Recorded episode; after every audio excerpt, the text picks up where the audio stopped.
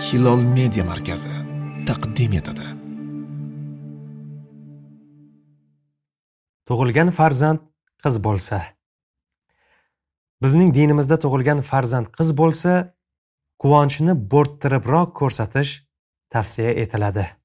Odatda o'g'il tug'ilganda xursandchilik kattaroq bo'ladi. Ammo shariatda aynan qiz tug'ilganda xursandchilikni kattaroq qilishning tavsiya etilishi johiliyat amaliga qarshi ish yuritish uchundir.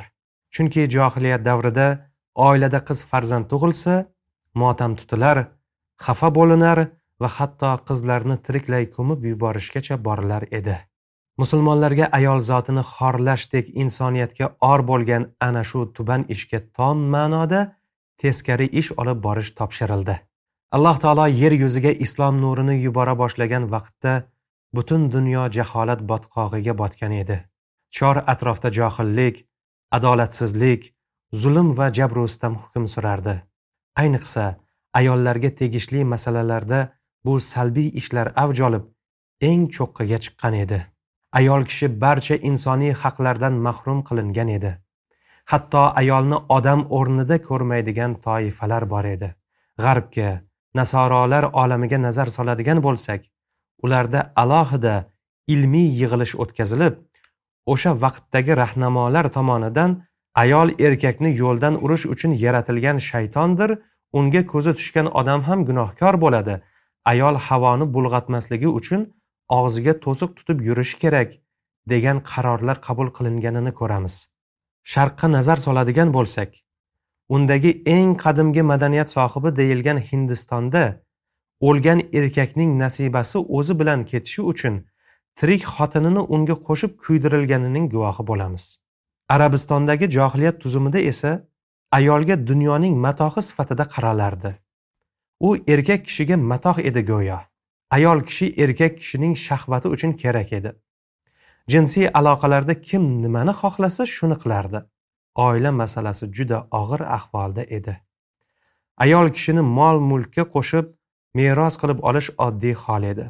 Ayolga qilingan past munosabatlar unga yetkazilgan turli zulmlar misoli bir qancha sura va oyatlarda kelgan. Islom dini mukammal ilohiy tuzum o'laroq dunyodagi mavjud barcha nuqsonlarni jumladan insoniyatning nafis qismi sanalmish ayollarga bo'lgan munosabatdagi mavjud nuqsonlarni ham tuzatishga kirishdi. Buning uchun johiliyatning ayol zotiga nisbatan munosabati qattiq qoralandi. Johiliyat davrida qiz farzand or nomus hisoblanardi. Shuning uchun mushriklardan hech kim qiz farzand ko'rishni xohlamas edi. Qur'oni karim ushbu holatni qattiq tanqid qildi. Alloh taolo nahl surasida shunday deydi. Qachonki ulardan biriga qizning xushxabari berilsa g'am alamga to'lib yuzi qorayib ketur. Ellik sakkizinchi oyat. Mushriklarning birortasiga oilasida qiz bola tug'ilgani haqida xushxabar berilsa xafa bo'lganidan g'am alamga to'lganidan yuzi qorayib ketar edi. Unga berilgan xushxabarning yomonligidan uyalib qavmidan berkinur u qizni xorlikla olib qolsamikin yoki tuproqqa ko'msamikin? Ogoh bo'ling qilayotgan hukmlari naqadar yomon? ellik to'qqizinchi oyat. Mushriklarning gumrohligi shu darajadaki ulardan har biri oilasida qiz farzand tug'ilganini eshitib bu xabarning yomonligidan uyalib odamlar ko'zidan berkinib yuradi. Odamlarga ko'rinishni xohlamaydi. Qiz ko'ribsan deb uni mazammat qilishlaridan qo'rqadi. O'sha berkinib yurgan holida bu qizni nima qilsam ekan deb o'ylaydi. O'zimga or nomus qilib olib yuraversammikan yoki yerga ko'mib yuborsammikan deb xayol suradi ogoh bo'ling qilayotgan hukmlari naqadar yomon. Ey odamlar ogoh bo'linglar. Mushriklarning qiz bola haqidagi hukmlari naqadar yomon. Qur'oni karim johiliyat ahlining ayol zotiga nisbatan adolatsizligini tanqid qilish bilan kifoyalanib qolmadi.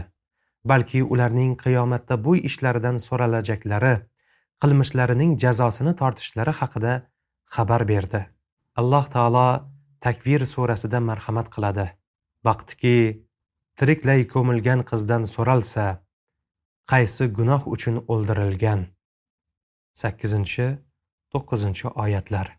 Islomdan avvalgi johiliyat davrida yuqorida ta'kidlanganidek arablarning ko'plab noinsoniy vahshiyona urf odatlari bor edi. Jumladan ularda qiz bolani tahqirlash haddan ziyod edi. Hattoki katta bo'lsa urushlarda qatnasha olmaydi. Qaytaga asir tushib bizga sharmandalik keltiradi deb qiz bolalarni tiriklay ko'mib yuborar edilar. Ushbu ikki oyatda mushriklarning bu ishi qattiq qoralanmoqda va qiyomat kuni bu haqda savol javob bo'lishi ta'kidlanmoqda. Tabiiyki qiyomat kuni faqat shu mazkur narsa haqidagina savol javob bo'lmaydi balki zarracha misqolcha amal haqida ham savol javob bo'ladi. Ammo nima uchun aynan qiz bolani tiriklay ko'mib yuborish ish haqida alohida ta'kidlanmoqda. Bu avvalo ushbu oyat karimalar nozil bo'layotgan davr talabi shu ekanining dalolatidir. Ushbu oyatlar islomning dastlabki davrida nozil bo'lgan. O'sha vaqtda nozil bo'lgan oyatlar kalimai tavhidga sof iymon va e'tiqodga chaqirib shirk kufr va buzuq e'tiqodlardan qaytarish bilan birga mo'minlik fazilatlariga da'vat qilib kofirlik razolatlaridan qaytarar edi. O'sha payt johiliyatining ko'zga ko'ringan razolatlaridan biri esa ayol jinsini past sanash odam o'rnida ko'rmaslik va o'sha tasavvurning samarasi o'laroq qizlarni tiriklay ko'mib yuborish odati edi. Eng muhimi esa bu oyat islom dini dunyoda birinchi bo'lib ayol jinsini ulug'lash borasida yolg'iz o'zi kurash boshlaganining dalolatidir. Ha o'sha davrda ayollarning insonlik huquqlarini himoya qiladigan islomdan boshqa tomon yo'q edi. Ana shunday bir paytda islom ayol jinsining to'laqonli odam sifatida alloh taolo mukarram etgan inson sifatida o'z haqqini olishi uchun kurash boshladi. O'sha paytda nozil bo'lgan oyat karimalar ayol haqidagi islomiy ta'limotlarni bayon qilish bilan birga ayol jinsini yerga uruvchi johiliy urf odatlar va qonun qoidalarini chilparchin qilib tashlar edi. Ana o'sha narsalardan eng ko'zga ko'ringani qizlarni tiriklayin ko'mib yuborib u keltiradigan or nomusdan qutuldim deb g'urur bilan gerdayib yurish edi. O'sha davr odamlarining guvohlik berishlaricha qiz bola to'rt besh yoshlarga yetganda ota uni ko'mib tashlamoqchi bo'lsa onasiga qizimizni yasantirib ber o'ynatib kelay der edi. Bechora ona o'ynatib kelish nima ekanini yaxshi bilsa ham johiliyat qonuniga qarshi chiqa olmas edi. U yurak bag'ri tilka pora bo'lgan holda qon yutib o'z jigargo'shasini beshafqat eriga yasantirib berardi.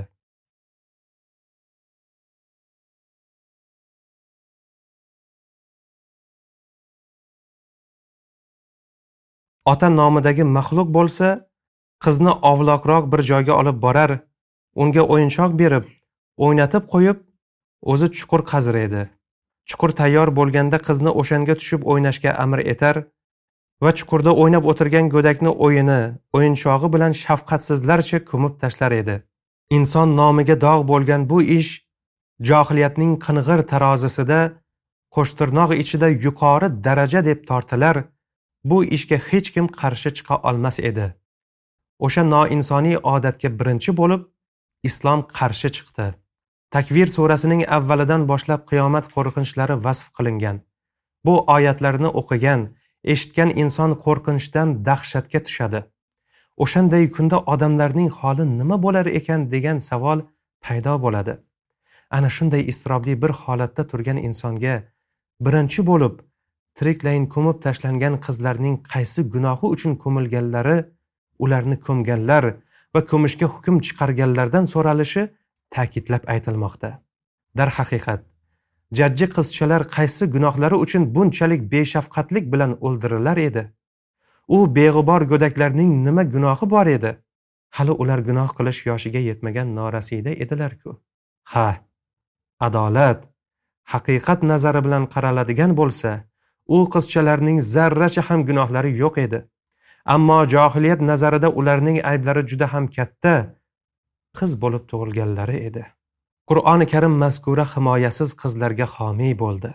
Ularning hayot kechirish haqlarini himoya qildi. Qiz bolalarni tiriklay ko'mganlar qiyomat kuni eng avval shundan so'ralishlari asrlar davomida qiyomatgacha ibodat uchun o'qiladigan oyatlarga bitib qo'yildi.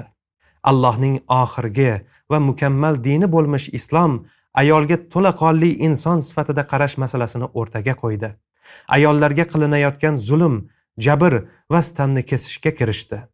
Islom birinchi bo'lib ayol kishi ham xuddi erkak kishidek to'laqonli inson ekanini e'lon qildi.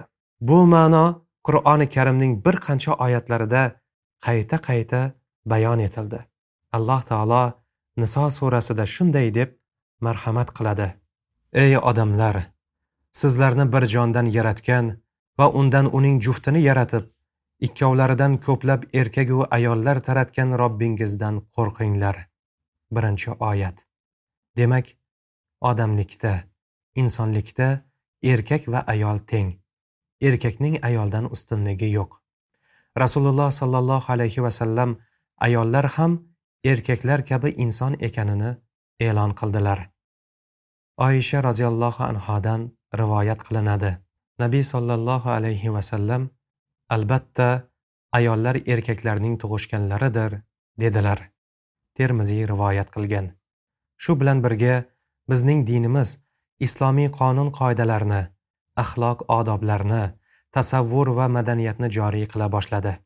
O'sha vaqtda ayollarga yetkazilgan zulm ko'p bo'lganligi uchun islomda ularga e'tibor ham ko'p bo'ldi. Qur'oni karimning uzun suralaridan biri niso ayollar deb ataldi. Boshqa bir sura mujodala tortishuvchi ayol nomini oldi. Shuningdek taloq surasini ham kichik niso deyishadi. Qur'oni karimning boshqa suralarida ham ayollar masalasiga alohida e'tibor bilan qaraladi. Nur va ahzob suralari buning yorqin misolidir. Ayollarga bo'lgan e'tiborning tasdig'i o'laroq. Rasululloh sollallohu alayhi vasallam musulmon ummatiga qilgan ommaviy va'z nasihatlaridan tashqari yana ayollar uchun alohida majlislar ham o'tkazib turar edilar. Ayol kishining sha'nini ulug'lash ma'nosidagi bunga o'xshash gaplar juda ham ko'p. Boshqa kitoblarimizda bu haqda batafsil so'z yuritganmiz. Ushbu maqomda gapni qisqa qilishga harakat qilamiz. Islomda ayollarni tug'ilganlaridan umrlarining oxirigacha kerakli narsalar bilan ta'minlash erkaklar zimmasiga yuklatilganligi. Shuningdek jamiyat uchun kerakli og'ir ishlarni bajarish ham erkaklarga yuklatilganligi uchun ayollarni hurmatlab ularga ishlash mas'uliyati yuklatilmagan. Islomda ayol zoti o'zining hayot kechirishi uchun kerakli narsalarni topishdan ham ozod qilingan. Uni nafaqa bilan ta'minlash erkaklarning vazifasidir. Nafaqa deganda turar joy kiyim taom dam olish va davolanish kabi hayotiy zaruratlarni ta'min etish ko'zda tutiladi. Islomda ayol zotining nafaqasi agar u qiz bo'lsa otasiga vojib bo'ladi. U qizini nafaqa bilan ta'minlasa vojib ibodatni ado etgan shaxs sifatida savob oladi. Ammo qizning nafaqasida nuqsonga yo'l qo'ysa yoki undan bosh tortsa vojib ibodatdan bosh tortgan yoki unda nuqsonga yo'l qo'ygan shaxs sifatida allohning oldida gunohkor qizining oldida jinoyatchi bo'ladi. Jamiyat mahkama orqali kuch ila qizning haqqini olib beradi. Shuningdek ayol zotining nafaqasi agar u singil bo'lsa akasiga opa bo'lsa ukasiga xotin bo'lsa eriga ona bo'lsa o'g'liga yuklatiladi. Hech kimi bo'lmasa uni jamiyat qaramog'iga oladi. Shuningdek johiliyat odatiga xilof o'laroq qiz tug'ilganda xursandlikni bo'rttirib izhor qilish tavsiya qilinadi. Hatto hadya ulashishda ham ko'ngillari nozikligi e'tiboridan avval qizlardan boshlanadi. Qiz tuqqan kelinlar barakali kelinlar sifatida e'zozlanadi. Qizlarning o'zlari ham baraka ramzlari deya erkalanadi. Qiz boqqanlarga turli maqomlar va'da qilinadi. Abu hurayra roziyallohu anhudan rivoyat qilinadi.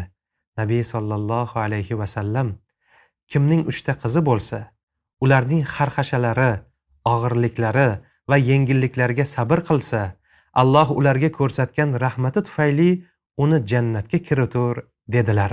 Bir kishi ikkita bo'lsachi ey allohning rasuli dedi. Ikkita bo'lsa ham dedilar. Bir kishi bitta bo'lsachi ey allohning rasuli? dedi. Bitta bo'lsa ham dedilar. Ahmad rivoyat qilgan. Shunday qilib bittami ikkitami yoki uchtami qizni tug'ish ularni boqib tarbiyalab katta qilish ota ona uchun jannatga haqdor bo'lish omillaridan biriga aylantirildi. Musulmonlar qadimdan qizlarga faqat yaxshi nazar bilan qarab keldilar va kelmoqdalar.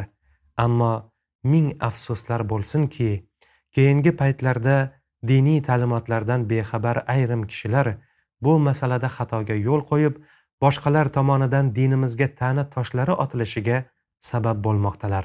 Ba'zi qo'shtirnoq ichidagi musulmonman deb yurganlarning ayollarga bo'lgan salbiy munosabatlarini tushunmaganlar bu noxushlikni islomning aybi deya jar solmoqdalar.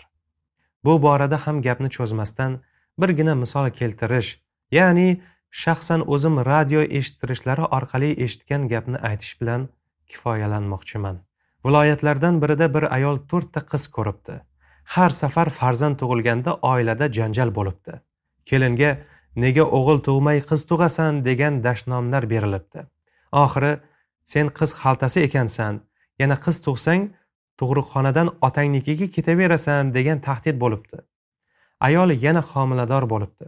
O'ziga aytilgan tahdidlar yodiga tushibdi. Besh qiz bilan otasinikiga qaytib borishni tasavvur qilibdi. Shaytonning vasvasasiga uchib homilasini oldiribdi. Qarasa olingan homila o'g'il ekan. Buni eshitib er o'zini osibdi. Uni eshitib xotin o'ziga o't qo'yibdi. Bolaning o'g'il yoki qiz bo'lishiga ayolning nima aloqasi bor? Avvalo mutlaqo aloqasi yo'q. Agar faraz qilib aloqasi bor desak erkakning aloqasizchalik bo'lishi mumkin. Lekin nima uchun erkakka emas faqat ayolga qiz tuqqanligi uchun dashnom beriladi? Axir bunday qilish allohning irodasiga qarshi turish emasmi? Ushbu haqiqatlarni har kim anglab yetishi kerak. Qiz tuqqan kelinlarni va qizlarni baraka ramzi deb bilish ularning e'zozini qilish lozim. Oilasida farzand kutayotgan va ko'rgan har bir shaxs bir oz cho'zilgan ushbu muqaddimada aytilgan ma'nolarni o'zidan o'tkazishi shu bilan birga ularga ixlos bilan amal qilishi zarur. Assalomu alaykum va rahmatullohi va barakatuh.